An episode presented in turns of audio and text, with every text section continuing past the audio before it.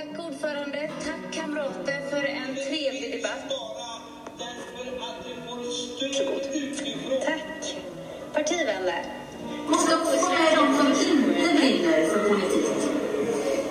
Vi måste få med de som eh, kanske bränt sig. Och vi måste få med de som inte ens får känna den här glöden. Är demokratin en fråga om människovärde? Man måste våga för att kunna förändra.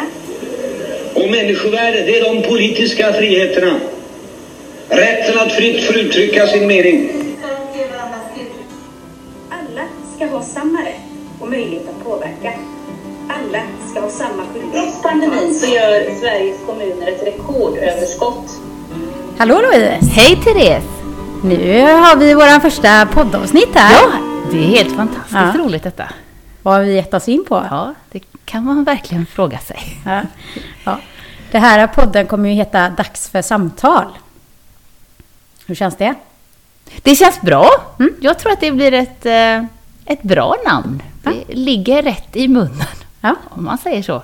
gött det. Så lägg nu minne, på minnet, eh, Dags för samtal. Eh, ja, vilka är vi? Vem är du Louise? Jag heter Louise Tunström och eh, jag bor i Havstensund där vi just nu befinner oss. Eh, vid mitt vardagsrumsbord sitter vi och kör vårt första poddavsnitt. Och här bor jag tillsammans med min sambo Peter och vår dotter Elvira. Och så har vi två hundar, och två fåglar och två kaniner. Så det är lite så här som du märkte när du kom in. Och sen så håller jag på med politik och är oppositionsråd i Tanum. Ehm, och kandiderar till riksdagen. Mm. Och är socialdemokrat. Och är vän med dig, Therese. Okej. Och vem är du? Ja, jag heter Therese Marcini. Jag eh, bor i Hunnebostrand i Sotenäs kommun.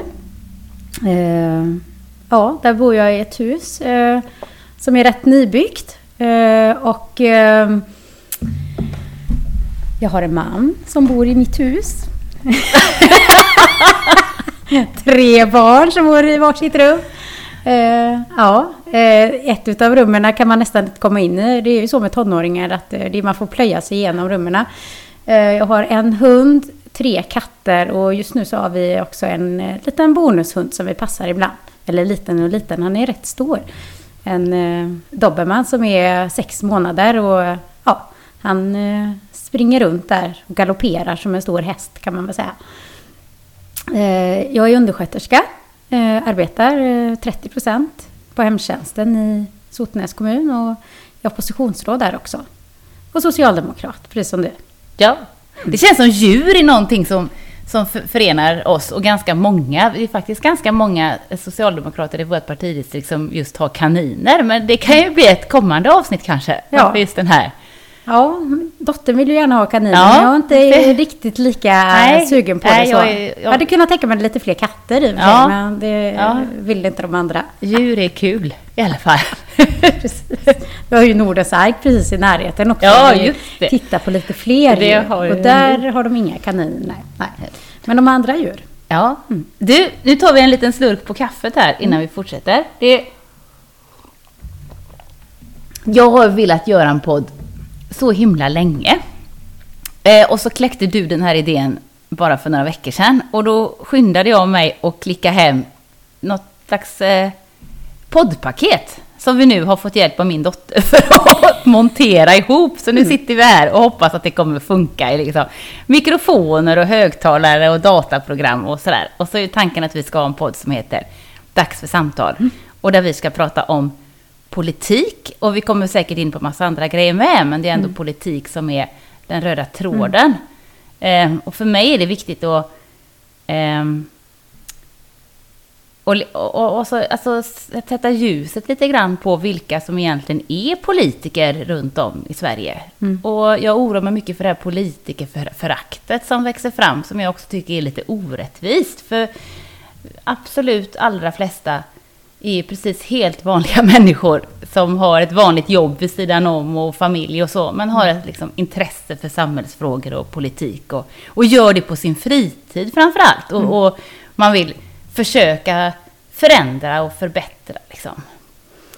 Eh, så om vi kan få upp intresset för politik och, och demokrati och, och så, så tycker jag vi har lyckats med våran podd. Och att vi ska ha roligt själva också, såklart. Hur Ja, tänker du, precis. Therese? Nej, men alltså jag tänker nog samma, att vi pratar lite och, och att man ökar den förståelsen som alltså för det demokratiska samhället och för politiker och vad man egentligen gör. Alltså, också att eh, man kan vara medlem i ett politiskt parti och vad det innebär liksom. Eh, för att eh, det är ju ett problem idag att många, alltså färre blir medlemmar i politiska partier. Alltså de engagerar sig mindre och mindre i alla föreningar egentligen. Men det blir ett problem för demokratin. Och det var väl en av de sakerna som gjorde att jag kände att nej, vi behöver faktiskt eh, starta en podd och prata om det. Men också om andra frågor som gäller politik. För att jag tänker hur det var innan jag blev politiker. Så hade jag inte speciellt stor koll på vad politiker gjorde. Och, och det politiska... Alltså, vad, vad gör man i en kommun? Vad, vad gör man i regionen? Regionen kändes ju helt okänd och känns nästan lite okänd Fortfarande. fortfarande ja. Eh, Och då är vi ändå insatta. Precis, och, och, och vad händer i riksdagen och sådär. Man liksom har sett statsministern innan och kanske lite ministrar och så. Men, men vad gör de här människorna där uppe och sådär. Ehm, och det tror jag är viktigt att eh, sätta liksom lite på kartan. Mm. Eh, och därför känner jag att eh, det här är en viktig... Sen så kommer ju den alltså utgå ifrån ett socialdemokratiskt perspektiv naturligtvis, eftersom att vi är socialdemokrater.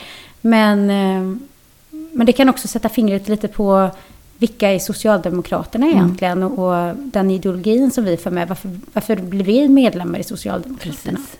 Ja. Mm. Varför blev du medlem i Socialdemokraterna? Eller har du, är du uppväxt i ett socialdemokratiskt hem? Nej, det är jag inte.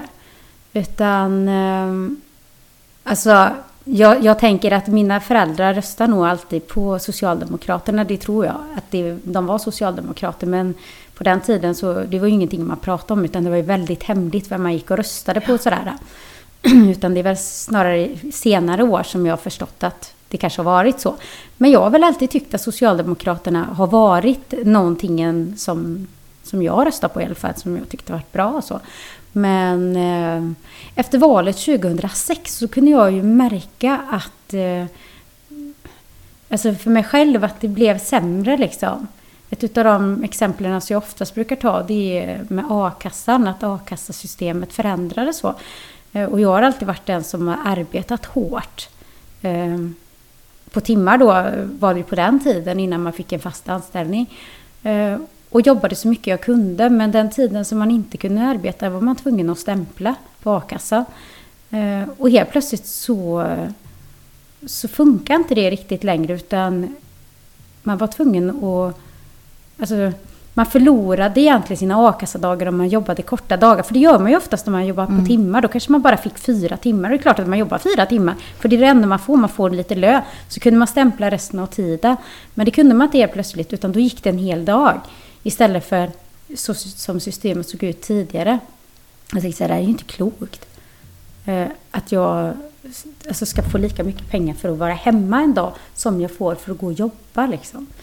Ehm, men eh, det var nog inte förrän 2010 när eh, Socialdemokraterna förlorade andra valet då.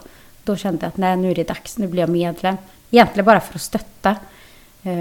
Men det är ju som allt som man går in i och går man på ett enda möte så är det ju Ja. kört liksom. Man kommer aldrig därifrån. Nej, Men vad du, för du är ju också kom, aktiv i, i fackförbundet Kommunal. Va? Du Mm. har kommit och gjort lite den resan med. Väl? Ja, Var men det din ingång till politiken? Nej, egentligen inte. Utan... Eh, alltså jag blev ju medlem i partiet tidigare och så blev jag facklig. Eh, och sen så var det en utav, eller Kommunals ordförande och sa, hon var socialdemokrat, hon bara, men kan inte du följa med på ett möte bara? Eh, och så gjorde jag det. Sen vet jag inte riktigt, alltså det bara eskalera på något vänster. Eh, och plötsligt så, så var jag ordförande för min arbetarkommun då, som är Socialdemokraterna i Sotenäs. Eh, bara några år senare. Ja. Och hade egentligen inte speciellt många politiska uppdrag utan jag hade ett litet politiskt uppdrag i, i eller litet och litet. Jag var ordinarie ledamot i vårt bostadsbolag Sotenäsbostäder. Eh, men jag satt ju inte i kommunfullmäktige eller kommunstyrelsen eller i någon annan nämnd. Och blev ändå, ja, kastade mig in i det. Och efter det så bara det liksom snurrade på, kan man säga. men, men naturligtvis det här fackliga engagemanget stärkte ju också min liksom, ideologiska grund och att jag kände att Socialdemokraterna, det är verkligen där jag är hemma. För från början så var det där engagemanget att, eh, att det var orättvist liksom. Mm. Att, eh, att det blev på ett sätt som jag tyckte inte var rätt. Och då var det inte naturligtvis bara för mig själv utan för alla andra. Eh, vilket har drivit mig hela livet egentligen. Att, eh, ja, för eh, det ska, vara, det ska vara lika för alla liksom. Mm. Att det inte ska vara orätt. Men, eh, men eh, den fackliga grunden är ju också röd liksom. Det är ju facket som har startat Socialdemokraterna från början. Så vi har ju samma ideologiska grund att stå på. Så jag kände igen mig. Ja, Mm. Louise, varför blev du socialdemokrat? Ja. Har du växt upp i socialdemokrat? Nej, ja, och det är precis som du. Alltså, när jag frågade mina föräldrar när jag växte upp vad de röstade på, då berättade de inte det för mig, för det skulle liksom vara hemligt. Och det har jag fortfarande inte förstått. Ja, alltså jag, självklart ska vi ha hemliga val, att man inte ska behöva berätta vad man röstar på, eller om man ens röstar. Men eh, i, i, mitt hem nu, den familjen som jag har skapat, där eh, råder ju inga tveksamheter vilken ideologi som, vilket parti som, som vi röstar på. Men det berättar de aldrig för mig i alla fall. Ja, märkligt tycker jag fortfarande faktiskt. Men, men, men jag tror ju att mina föräldrar alltid har röstat på Folkpartiet. I alla fall mamma, för min morfar Eh, var faktiskt folkpartist här i Tanum då, och satt tror jag i kommunalfullmäktige som det väl hette på din den tiden. Jag har aldrig träffat honom för att han, han dog tidigt.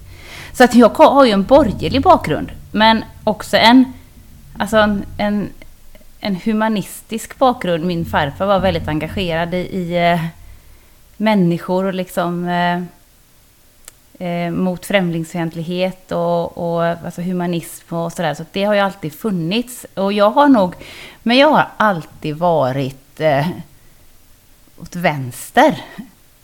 Alltså jag vet inte, det är precis som det alltid har liksom har funnits i mig på något vis. Liksom. Och det handlar om eh, också orättvisor, men också det här ojämlika samhället. Alltså jämlika samhällen är bättre samhällen. Så är det ju. Liksom. Eh, och, och det handlar så mycket om vad man har för bakgrund och vilka föräldrar man har och, och vilket sammanhang man kommer ifrån, hur man blir och inte så mycket av de egna prestationerna. Och jag tycker det är sådär, alltså när högern kan säga att man, ska kunna, man kan bli vad som helst om man bara anstränger sig. Nej, det sociala arvet är, är tungt och svårt och stort. Liksom. Eh, och jag tycker att det är ett orimligt att, att vi har klyftor som ökar så som de gör nu i Sverige. När rika blir allt rikare. Eh, och om man är rik också, då har man också ganska lätt att få bidrag. Fast då kallas det för avdrag. Alltså jag har, jag vet inte om du kollade mitt lilla kontor, men jag har svindyra Josef Frank-tapeter där inne som jag tycker är väldigt fina. Men, men jag fick ju liksom bidrag från staten för att kunna tapetsera det. Om jag nu raljerar lite, det är ju liksom, du vet, Mm. rotavdraget. Mm, mm. Men om man är fattig, liksom, då ska man stå med mössan i hand och i princip sälja av allt man har för att kunna få försörjningsstöd. Eh, och det, liksom, jag tror verkligen att alla människor vill bidra och vill göra eh, rätt för sig. Och vill vara med och påverka och vill ha ett arbete. Jag tror att det är väldigt, väldigt, väldigt få som faktiskt tycker att nej, jag ligger hemma på sofflocket och låter andra försörja mig. Jag tror att det är så mycket annat som spelar in. Liksom. Och, så det handlar nog om de här, alltså jämlikhetstanken som har drivit mig. Men jag blev ju inte medlem i Socialdemokraterna förrän valet 2014. Och jag har ju ingen facklig bakgrund och ingen bakgrund i ungdomsförbundet. Och, och jag trodde nog lite så här, men alltså om man är socialdemokrat då måste man ha gått den där fackliga vägen eller SSU-vägen och sådär. Annars har man ingen chans. Men, men jag var ju på en intervju med då valberedningen för Socialdemokraterna här i Tanum inför valet 2014. Eh, och jag jag var jättenervös och där sitter två män och intervjuar mig och jag sitter där i ett stort bord och de på andra sidan och de ställer massa frågor och de, alltså jag visste vilka de var, vi kände varandra lite men och så plötsligt så säger de att Ja Louise, vi önskar att du är på första plats på våran lista till kommunfullmäktige. Och därmed också då en kommunalrådskandidat. Och, och jag vet inte, jag sa ja med en gång. Och sen fick jag dessutom börja innan valet för att hon som var före mig då valde att sluta. Så, så eh, jag blev verkligen bara, precis, jag blev bara inkastad. Och, men men eh, jag tycker det har varit jätteroligt. Och, så, ja, och nu kandiderar jag till riksdagen. Ja. Till och Ja. med. Det hade jag inte kunnat tänka mig för. Nej. Men egentligen så kan man konstatera att vi har inte så lång politisk bakgrund egentligen. Nej. För jag blev nog också aktiv i 2014 i Ja. Även om jag inte var så högt upp som du var. Där jag stod väldigt långt ner Ja. på kommunfullmäktigelistan och inte så att jag skulle komma in eller så. Men man har ju kanske haft, vi har väl båda haft ett samhällsengagemang i, i alla fall. Mm. Ja, eh, och jag innan. tänker liksom, som, du, som du pratade om, det här bakgrunden som man har med sig Mm. också. Att även om man inte har varit med i något ungdomsförbund eller alltså har en facklig bakgrund eller så, så, så tänker jag... Alltså jag, min pappa till exempel, han var ju väldigt engagerad i, alltså när jag var liten i, i Prilys eh, ja, sån här eh, radiostation som liksom pratade med båtar ute på sjön och sådär. Hade koll på dem och Ehm, och sen eh, när jag var lite äldre så var han ju djupt engagerad i Hyresgästföreningen och sådär. Mm. Jag tror att de sakerna som man får med sig dem, liksom, precis Mm. så som du pratade om din, eh, din släkt. Liksom. Eh, Att man får med sig de sakerna i livet, även om man inte tänker på det när man är ung. Så. Nej. Men när man är äldre så har man med sig det engagemanget. Och då blir man socialdemokrat. Ja, i bästa fall. Nej, jag, jag Alla är ju socialdemokrater Ja. bara de inte vet om Du, det. det har jag faktiskt en kompis som säger så här, han brukar säga det att ja, egentligen är alla svenska socialdemokrater, ja, fast de inte vet om det. Fast Mm. är det några som inte är socialdemokrater nu, nu som lyssnar så kommer de ju naturligtvis protestera högt. Men alltså skämt åsido så tror jag det ligger lite i det. För att alltså någonstans har ju socialdemokratin och arbetarrörelsen format hela vår välfärd. Sjukvården och skolan och allting. Det som vi tar för självklart. Ja. Det är väl Eh, ingen att det som ska inte vara- vill att det ska finnas. Det är liksom. ingen som, inte, som vill att det ska finnas. Även om vi nu tycker att, att, att välfärden attackeras på olika håll. Mm. Eh, och det har blivit så individualistiskt så... så eh, eh, och det är också en sån här grej som jag känner också nu att man vill bara öka sitt engagemang. För den här nyliberalismen och individualismen och liksom... Eh, jag tror inte på den, helt enkelt Nej. eh, marknadiseringen av välfärden och privat, privatiseringar. Och det ser vi ju resultat av också. Mm. Eh, och där skulle man väl som socialdemokrat vilja att vår regering drog på ännu mer för att liksom just minska klyftorna och, och eh, beskatta kapital. Liksom. Men eh, som sagt vad vi pratade om det innan vi började podda nu. Det är ett högermajoritet i riksdagen. Och det har varit högermajoritet i riksdagen i 16 år. Mm. Liksom. Så vill vi ha mer socialdemokratisk politik så behöver vi ju mer röster. Ja, för det hjälper ju enkelt. inte bara att vi, det är vi som sitter i regeringen, Nej. utan vi behöver ju också ha så pass mycket makt så att vi kan också driva igenom alla våra förslag. Ja. Ja, Förra året i november så hade vi partikongress och både du och jag Ja. var med på det. Där vi bestämde många bra socialdemokratiska riktlinjer hur vi vill att partiet ska gå fram. Men det är klart att om vi inte har den majoriteten i riksdagen som vi behöver ha för att kunna få igenom dem så kan vi ju bara få igenom viss del utav Mm. dem om vi ens kan få igenom dem. Och då kan man ju tycka ibland att nej, men det blev ju liksom en tummetott bara av den här vanten. Eller Ja. vad man brukar säga. Precis. Men- Då blir man ju besviken naturligtvis. Men man får också ha med sig varför det blev Ja. som det blev. Eh, Såklart. Så Och pedagogiskt lite svårt tror jag att förklara för, för människor i allmänhet som inte är så insyltade och engagerade Mm. som just du och jag är. Varför vi har en socialdemokratisk regering men Mm. eh, det kanske inte alltid syns. Utan man Nej. får kompromissa. Och, och risken är ju, eller sannolikheten är ju att vi får göra det även efter valet. Ja, och alltså, Ganska mycket. det är ju jättesvårt för väljarna också att se vilka man ska egentligen rösta på. För att alla Mm. säger samma sak. Mm. Ja, faktiskt. Ja. Det, det är ju så. Sen får man ju bara, alltså det är ju jättesvårt för, för någon som inte är speciellt insatt att kunna se vad blir konsekvensen utav det som de säger. Mm, När man säger en sak. Om alla säger samma, men man gör det på olika sätt. precis. Det är ju samma i kommunen liksom, när vi säger så här, men alla vill kommunen det bästa. Men hur vi kommer dit, det gör vi på olika sätt. Mm. Hur vi tänker där. Vi, Och också lite grann vad vi faktiskt menar med det bästa. Det är ju, Ja. vi, där är vi olika. Jajamän, Och ibland så säger det det. folk att det spelar ingen roll vem man röstar på, men, men det gör det visst det. Det spelar visst roll vad man gör röstar det på. Eh, och det kan väl vi säga så, Therese, att, att vi hoppas att den här podden kan, kan ge lite klarhet i det. Och, Precis, ja. Det, det är det som är ett av de största syftena faktiskt, Ja. att vi kan ge den klarheten. Vi, vi hade ju... Eh, vi håller ju på med massa valaktiviteter nu naturligtvis, eftersom att det är snart är val den 11 september. Eh, ett lite spännande datum, men ja. Eh, I alla fall så har vi en aktivitet i Sotenäs där vi bjuder på korv och pratar politik utanför, ja, alltså det blir ju i närliggande affär så. Eh, eftersom att det inte finns speciellt många centrum just hos oss och så man kan stå någonstans där alla går förbi. Men då var det ju två töser där som eh, gick förbi i alla fall som vi började prata med. De var första gångs väljare. Och de hade ju ingen aning om vad de skulle rösta på, men de skulle i alla fall gå och rösta. Eh, och så att, men det är ju, alltså gå in och kolla vad partierna vill liksom. Mm. Ehm, ja, jo, jo, det skulle de göra. Så, så, och, och där i den kommunen de bor, sök liksom på partiet och skriv liksom staden. För att alla partier, eller de flesta partier i alla fall, eller de som sitter i fullmäktige, de har ju en förankring i kommunen liksom. Eh, Och sen kan man ju ringa och prata med de som är företrädare om man vill veta saker och ting. Liksom. Eh, De tyckte det var jättebra att få reda på att man kunde göra så. Eh, För det är kanske inte någonting man pratar framför köksbordet med sina barn. Att ja, just det, ska du gå och rösta? Men du kan ju kolla upp det där och det där. Och så Nej. kan du ringa och prata med ja, politikerna. det hoppas jag, det tycker jag om när folk gör Mm. faktiskt. Ringer och pratar eller söker upp och så. Eh, jag hoppas att, att folk gör det. För jag vet att jag får, fylla- det har säkert du också fått fylla i de här nu, eh, valbarometrar och sånt där. I alla Ja. fall som, och det, jag tycker, alltså det är ju jättesvårt. Det är svåra frågor som man ska svara ungefär ja eller nej på. Alltså, så, är, så fungerar ju inte världen. Alltså, stora komplexa utmaningar och problem. Det kräver ju lite analy, analys och att man får liksom...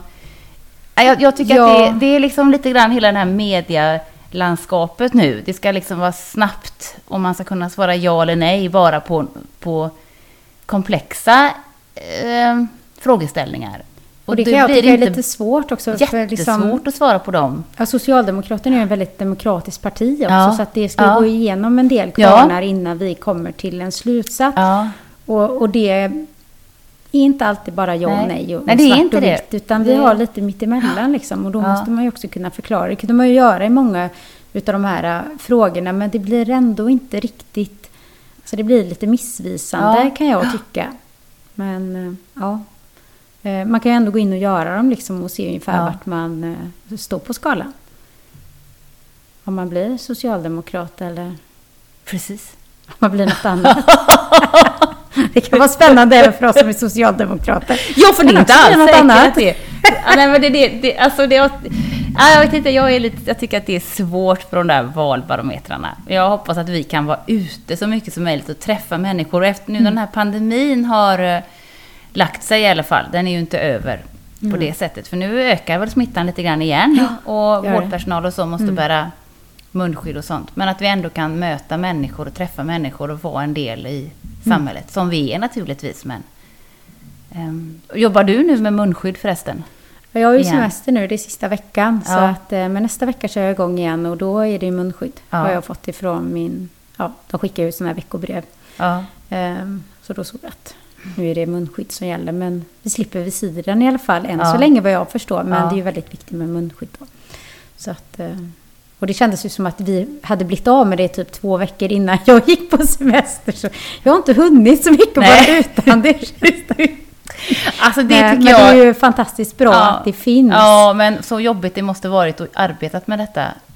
Ja, på. alltså, jag får väl säga att jag liksom då har tur som ändå har eh, arbetar eh, som deltidspolitiker på 70 procent. Så då är ju inte jag inne och jobbar så ofta. Nej. Så jag får ju inte de besvären riktigt som de som arbetar ja, eh, heltid om man säger så. De får ju besvär med luftvägarna och näsa och alltså muntorrhet. Och, ja, de mår inte så gott av det där liksom.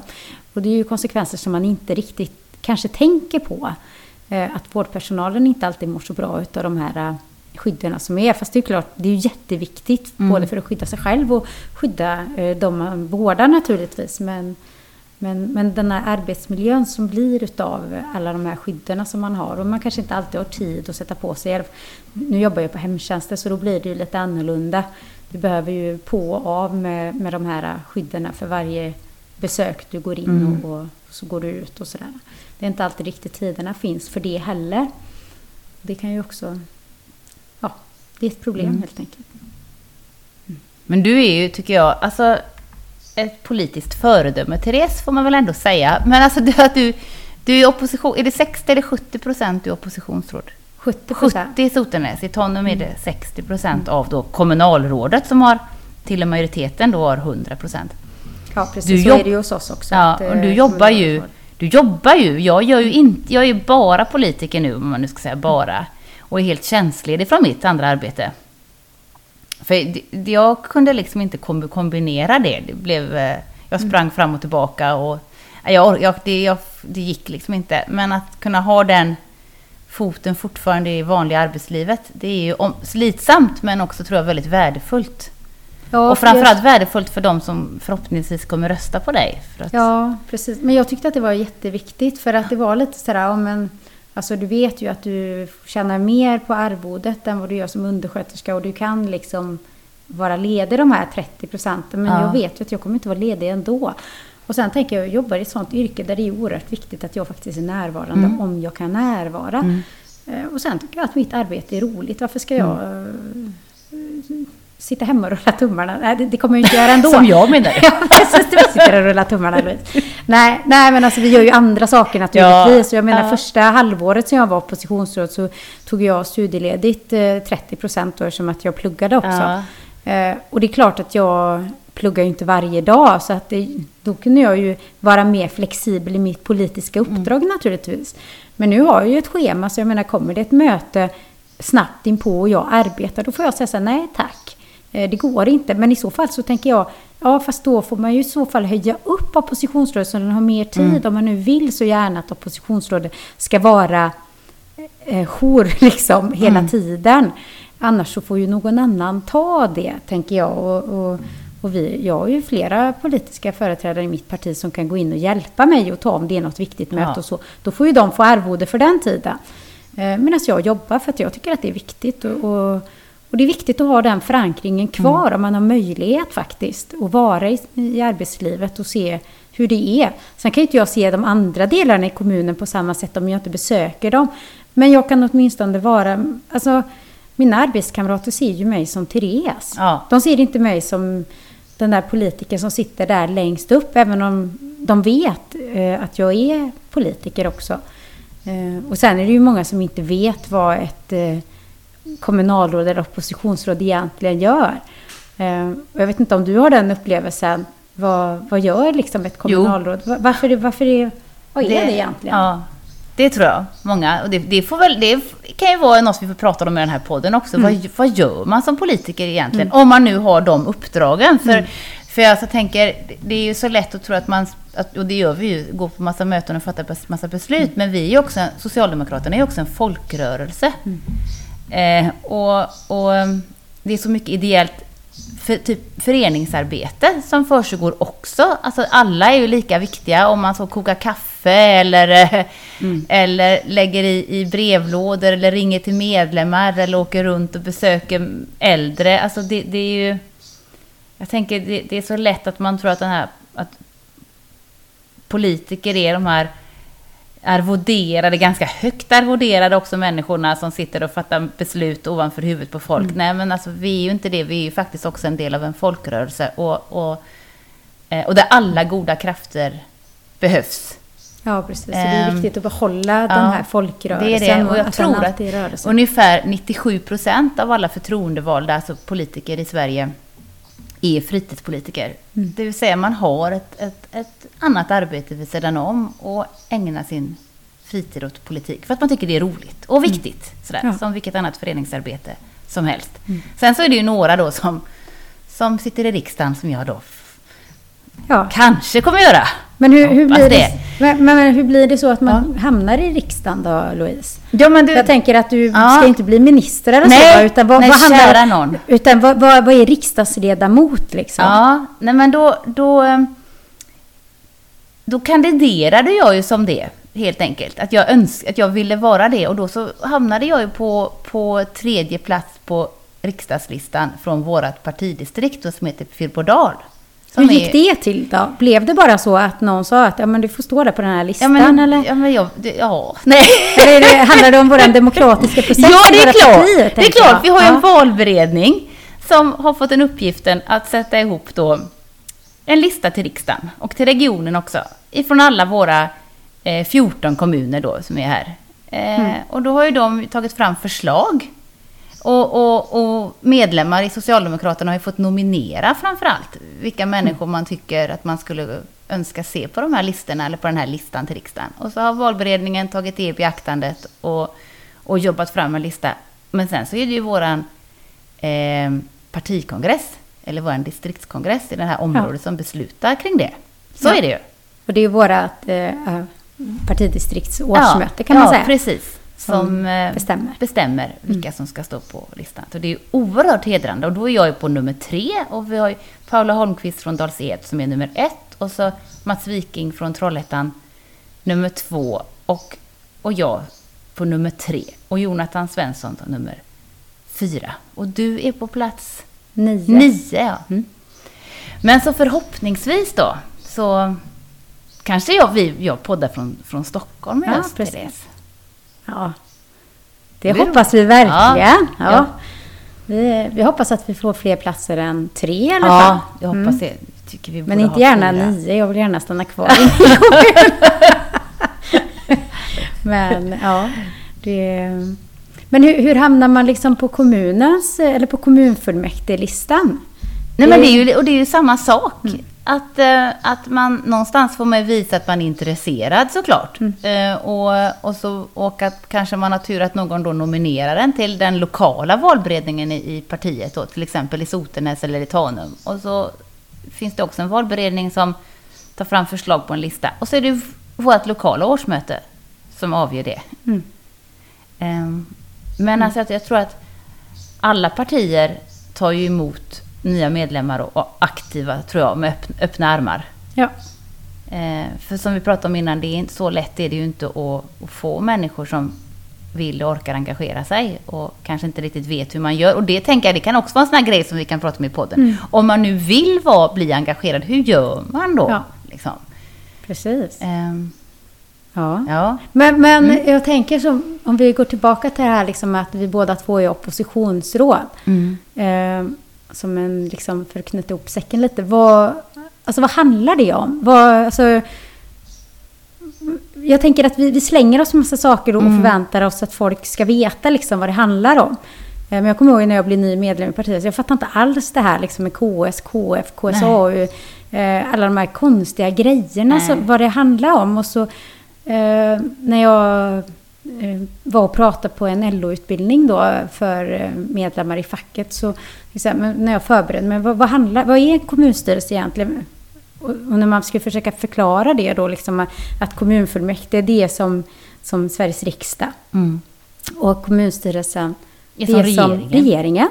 Eh, och, det, och alla nämnder som vi har då i, i våra olika kommuner. I Sotenäs har vi ju de stora nämnderna i kommunstyrelsen. Omsorgsnämnden, utbildningsnämnden och byggnadsnämnden. Och, och, de som sitter där, de, är ju, de som är ordförande är som ministrar kan man säga. Så egentligen så är man minister då i kommunstyrelsen kan man säga. Eh, men att man är kanske vice ordförande då om man är oppositionsråd då. Eh, för att den som är kommunalråd, den är ju ordförande. Nu gör ju andra vice ordförande. eftersom Det att- gör med. Eh, Majoriteten. Ja, säga, majoriteten vill ha en som hela tiden täcker Ja. upp om, om ordförande är borta då. Ja. Så att, eh, men, men det kan vara lite svårt att förstå de här eh, gångerna om man inte är liksom med. Eller jag tänker alltid på mig själv i alla fall. Eh, eller när, när man säger så ja men de där besluten vet man väl, det är bara att läsa protokoll. Ja, Men vad, vadå protokoll? Det är liksom, jätte, tänker jag. Egentligen är det ganska svårt att läsa protokoll och det är ganska svårt att läsa handlingar överlag. det är svårt det att hitta dem svårt också. att hitta och det säger inte så mycket om Nej. protokollet. Alltså där är ju beslutet men man kan ju inte följa diskussionen som har lett fram till beslutet utan Nej. man kan ju följa beslutet och så ifall då någon har haft ett annat förslag eller yrkande som vi säger. Eller res- att man reserverar sig, att man uttrycker i skrift att, att jag tycker någonting annorlunda. Det gör man ju ibland som opposition som vi är. Mm. Men, men kommun, och det är ju kommunfullmäktige som man röstar till. Det är Mm. det viktigt att Ja. säga. Det är kommunfullmäktige och det är ju som kommunens riksdag. Hur många har ni i kommunfullmäktige? Idag har vi 30? Åtta. Ja, Ja, i- ja, ja. Vi har hela eh, Sotenäs 31 kommun. är det väl? Ja, vi är Ja. 41 ledamöter. Mm. Det skiljer sig lite olika. Ja, och sen har vi precis. 11 personer i varje nämnd då. Mm.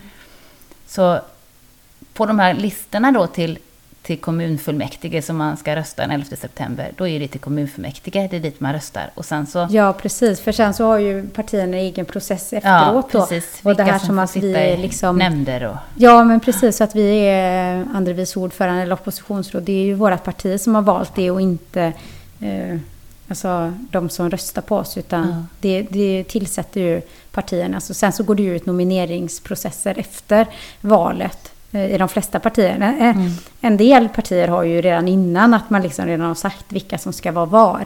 Men eh, i alla fall i min arbetarkommun så, så brukar vi göra så att efter valet så, så nominerar man då in till de nämnderna när vi vet hur många eh, personer vi har på våra platser. Mm. Och ni liksom. har också så att man inte ska sitta i den.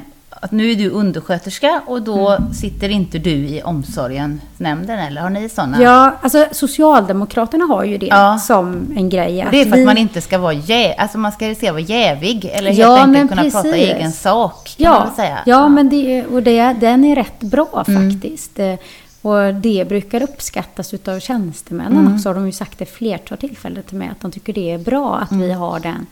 För att eh, i våran omsorgsnämnd i alla fall, då har vi flera stycken från andra partier som arbetar inom eh, Mm. inom omsorgen liksom. Och det blir inte riktigt bra för då, även om man ska vara saklig och så, så snöar man ibland in på sin egen verksamhet för det är den man kan bäst Ja. liksom. Eh, och det behöver inte vara så att man är jävig egentligen, men man blir lite för nära kan jag tycka.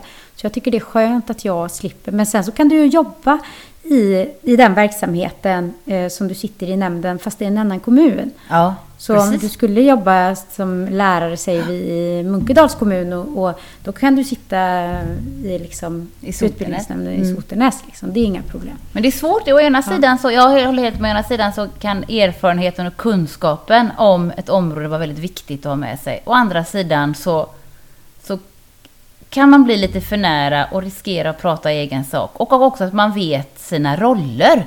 För, att, för att man är politiker och tjänsteman, det är viktigt att skilja på de där rollerna. Vad är det egentligen vi politiker beslutar om? Och vad är det faktiskt professionen ska besluta om? Alltså vi kan ju inte besluta om till exempel eh, hur, lärarna ska sina, hur lärarna ska bedriva sina lektioner. För Nej. jag sitter ju i barn och utbildningsnämnden.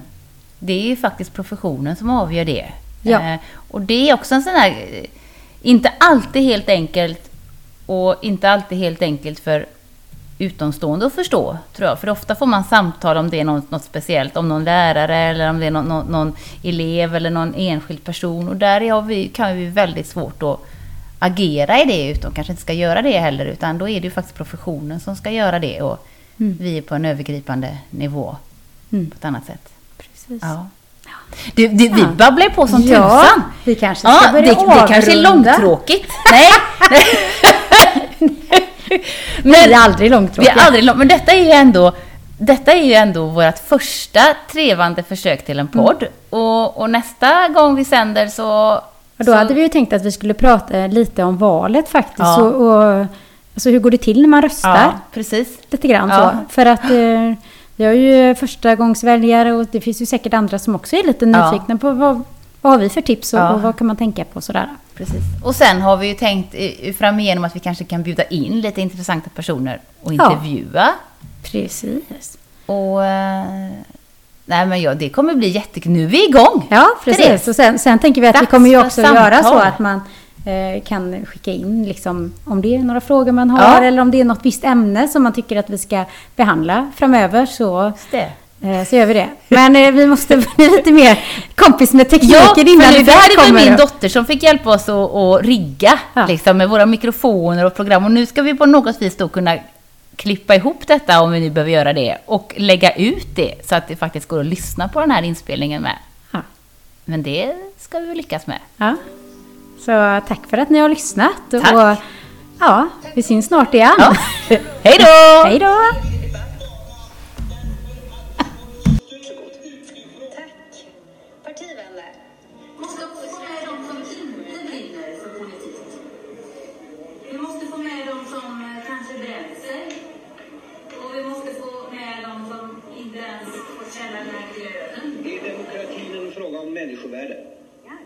Man måste våga för att kunna förändra. Och människovärde, det är de politiska friheterna. Rätten att fritt få uttrycka sin mening. Alla ska ha samma rätt och möjlighet att påverka. Alla ska ha samma skyldighet. Trots pandemin så gör Sveriges kommuner ett rekordöverskott.